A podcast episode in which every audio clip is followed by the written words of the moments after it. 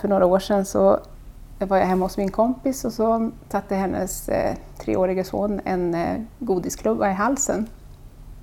Och eh, eh, ja, den satt ju fast där så att vi gjorde ju ryggdunk på honom och eh, buktryck och, och det man ska göra. Mm. Men ringde ju efter ambulans också i samband med det där. Och, eh, lyckligtvis så fick vi ju upp det här men eh, det tog alltså 20 minuter för ambulansen att komma hit, hit ut till Ekerö så att det var ju mm. eh, det är väldigt lång tid. Eh, man vet ju att det tar några minuter innan hjärnan då skadas och så. så att, mm. Jag har personlig erfarenhet hur viktigt det är att, att man har människor runt sig som agerar när det, när det händer. Mm. Hej och välkommen tillbaka till Brandradion som den här gången ska handla om civil insatsperson. Ofta förkortat CIP eller CIP. I början hörde vi Linnea Bojemark från Ekerö berätta om en händelse där hon visserligen redan var på plats men som tydligt visar på hur viktigt det är att få hjälp så fort som möjligt. Och varför inte då av en granne som via kanske ett sms fått reda på att du just har larmat efter hjälp någon som kan hjälpa dig medan du väntar på att blåljusmyndigheterna ska hinna fram. Det är idén bakom SIP och är någonting som funnits på Ekerö sedan början av 2010-talet. Jag har en kompis som jobbar här på Ekerö brandstation som introducerade mig för SIP och tyckte att jag kunde vara en bra resurs mm. eftersom jag håller på med HLR och är sjuksköterska och, och så. Just det. Mm. Och då att hjälpa till som frivillig vid olyckor, liksom. vad, vad, tycker du om det konceptet? Har du tänkt något på det? Eh, alltså jag är ju väldigt mycket för det. För att eh, när man har jobbat ute och man vet att resurserna är knappa, mm. det tar tid för ambulans och räddningstjänst att komma, så tycker jag att det är självklart att man ska ställa upp om man har en utbildning och eh, kan göra en insats. För mm. det är väldigt mycket man kan göra på plats eh, som första person utan att det behöver vara så avancerat. Men man kan med ganska enkla medel eh, rädda liv och minska lidande. Mm. På Ekerö, eller rättare sagt Färingsö, drog man igång SIP på eget initiativ och har därför, för att spara pengar, bara rekryterat personer som redan jobbar inom sjukvård, brand, polis eller liknande yrken och därför har de utbildningar som behövs för att klara av uppgiften. Vi hör Linnea igen. SIP är ju, utökas nu i, i södra delen av Stockholm, framförallt i Södertörns område. Mm. Eh, ni på Ekerö har hållit på länge och ni är ju, de flesta av er har ju någon form av bakgrund. Eh, de, de, nya SIParna har inte alltid det. Eh, har du något tips till om man inte har någon erfarenhet sådär, av eh, blåljusarbete eller vad man ska kalla det? Mm. Eh, ja, alltså jag, jag är ju faktiskt mycket för att man ska ha någon typ av utbildning. Mm. Det, det, jag tycker det är viktigt. Mm. Eh, sen är det ju det här att man kanske kunde anordna då någon form av kortare kurs för de som går in som SIP och inte har någon erfarenhet. Mm. Just för att eh, veta hur man ska tänka. För det kan ju vara både eh, alltså det kan ju bli en farlig situation eh, så att man inte riskerar sig själv också i mm. det hela. Södertörns brandförsvarsförbund vill nu satsa på SIP även i de andra kommunerna och därför träffar jag utvecklingschef Leif Jonsson för att få veta mer. Okej Leif, det här med SIPPA då. Eh, vad, vad, betyder det och vad, vad kommer det ifrån? Eh, SIP betyder ju civila insatspersoner. Vi har ju sedan tidigare även FIP. Dels FIP på deltid och vi har FIP som väktare eller liknande då, anställda av kommunen. Mm. Och SIPar de är ju egentligen inte anställda av eh, en av våra kommuner på det sättet. Mm. Utan de är ju helt frivilliga. Eh, och det började väl egentligen för, ja egentligen kan man säga att det alltid har funnits att någon gör någonting innan vi kommer fram. Eh, via ambulans eller brand eller polis kommer fram på platsen. Eh, att någon gör någonting för just den här stunden mellan att olyckan eller hjärtstoppet har inträffat tills dess att man får professionell hjälp. Mm. Och det vi har valt i Sverige då också, när vi kallar det här för SIP, det är ju att vi har organiserat de här frivilliga. Okay. Eh, och det här började ju uppe i Medelpad, i, eh, i socknarna där ute. Då. Mm. Idag finns det väl på 14 socknar tror jag i Medelpad. Så det var de som drog igång det. Mm. Sen var Katrineholmarna tidigt ute och sen vi då. Mm. Och nu sprider det sig egentligen över hela Sverige. Mm. Så att det är ett sätt att organisera frivilliga mm. uh, i ett system egentligen för att lära dem att kunna göra bra saker när, när olyckan eller hjärtstoppet har varit framme. Just det.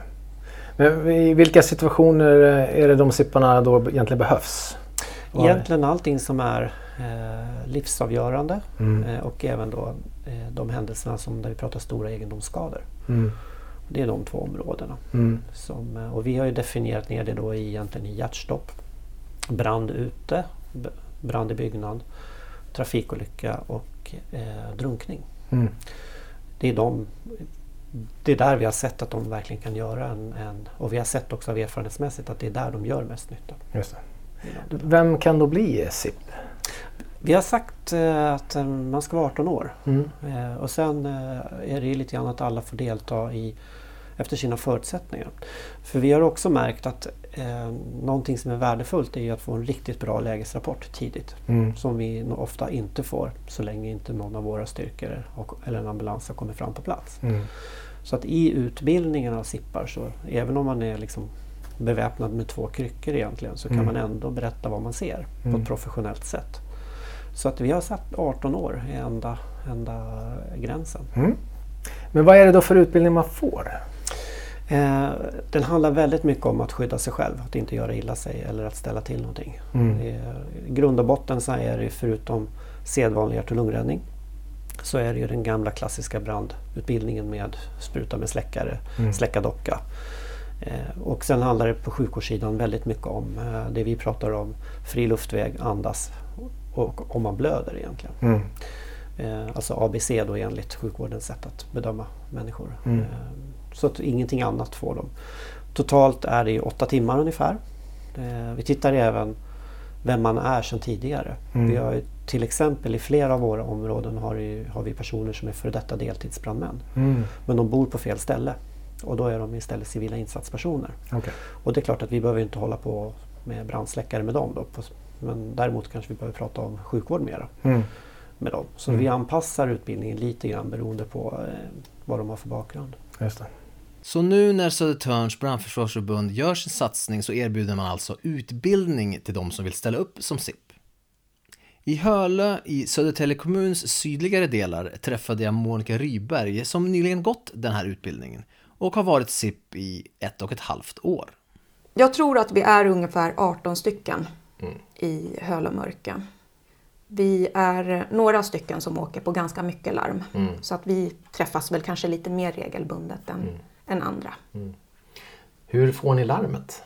Vi får larmet till vår mobiltelefon via en app som mm. heter Safeland.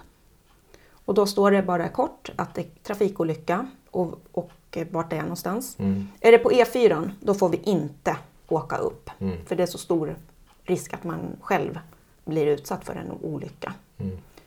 Men annars är det på de här mindre vägarna till exempel så då är det bara att hoppa in i bilen och åka lagligt. Mm. Vi har inga liksom att man får köra fort förbi eller någonting utan det är det, är det som gäller. Alltså hastighetsöverträdelserna får man inte göra. Mm.